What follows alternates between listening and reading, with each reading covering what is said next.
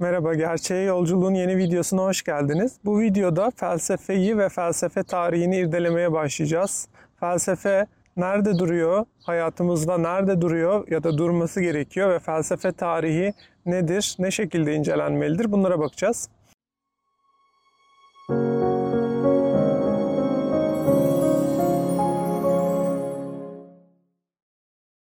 Biliyorsunuz gerçekliği mutlak idealizm ansiklopedimizle anlamaya çalışıyorduk. Bunu bu şekilde açıklamaya çalışıyorduk. Burada değer alanı insanlığın en üstünde duran alan. Hatta bütün gerçekliğin en üstünde duran alan değer alanı. Yani bütün hayatın anlamı ya da varlığımızın değeri bu alanda ifadesini buluyor. Değer alanında ifadesini buluyor. Değer alanının ise 3 tane momenti var. Sanat, din ve felsefe. Yani varlığın, hayatımızın, bütün gerçekliğin değeri, anlamı bu değer alanındaki ifadesini buluyor. Sanatla, dinle ve felsefeyle ifadesini buluyor. Burada en soyut olarak değer karşımıza sanat olarak çıkıyor. Sanat e, soyut olarak dediğim gibi değeri ifade ediyor ve daha henüz e, heykel, resim, e, müzik gibi dışsal, duyusal ve doğal ortamları, doğal alanları kullanarak kendisini ifade ediyor. Henüz doğanın bir parçası, doğanın doğa, doğasallıktan çok fazla kurtulamamış bir alan, sanat alanı. Bu yüzden de değer alanının içinde ama onun en ilkel hali, en soyut hali sanatta ifadesini buluyor. Daha sonra din karşımıza çıkıyor. Din alanı dediğimiz gibi değerin ikinci ikinci momenti kendini gösterdiği, kendini açığa serdiği momenti. Yani şöyle diyebiliriz. ilahi bilincin, o mutlak varlığın kendisini gösterdiği alan din alanıdır.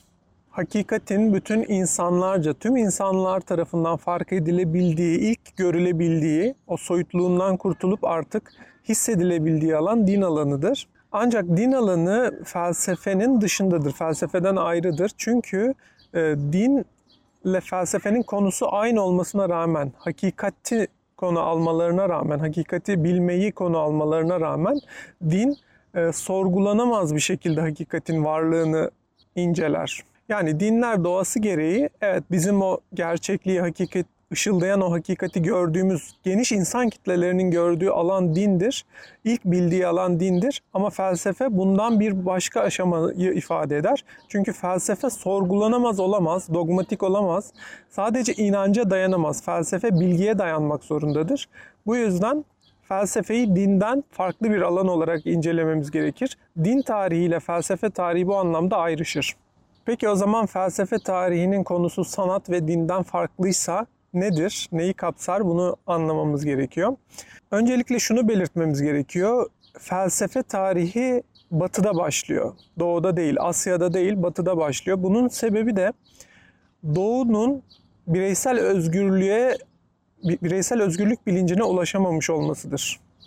Yani doğuda bireyler özgür değildir.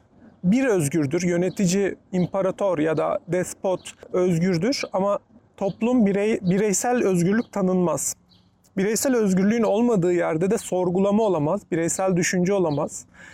Ee, düşünme ve sorgulamanın olmadığı yerde de felsefe olamaz. Bu sebeple felsefe tarihi Asya'da değil, ilk önce Batı'da başlar. Ama ilk başlangıcı Batı Anadolu'da, İonya'dadır. Sonrasında Yunan e, ve Roma dünyalarında devam eder. Daha sonrasında da Orta Çağları aşar ve Batı medeniyetini oluşturan semavi dinlerin, Müslümanlık ve Hristiyanlık temelinde semavi dinlerin kitlesi olan Batı medeniyetine, Batı medeniyetinde kendini gerçekleştirir. Dediğimiz gibi Asyatik uygarlıklar temel olarak da Çin ve Hindistan felsefe tarihinin içinde yer almayacak.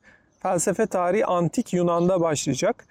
Bu yüzden bundan sonraki videomuzda antik Yunan'la felsefe tarihini başlatacağız ama öncesinde Çin ve Hindistan kültüründeki felsefeye yaklaşan ya da felsefe gibi algılanabilen akımları, Konfüçyüs'ü, Tao'yu, Sanchaya'yı inceleyeceğiz, Budizmi inceleyeceğiz ve bunların neden felsefe olmadığını aslında anlamaya çalışacağız. Daha sonra da Yunan felsefesiyle felsefe tarihine başlayacağız.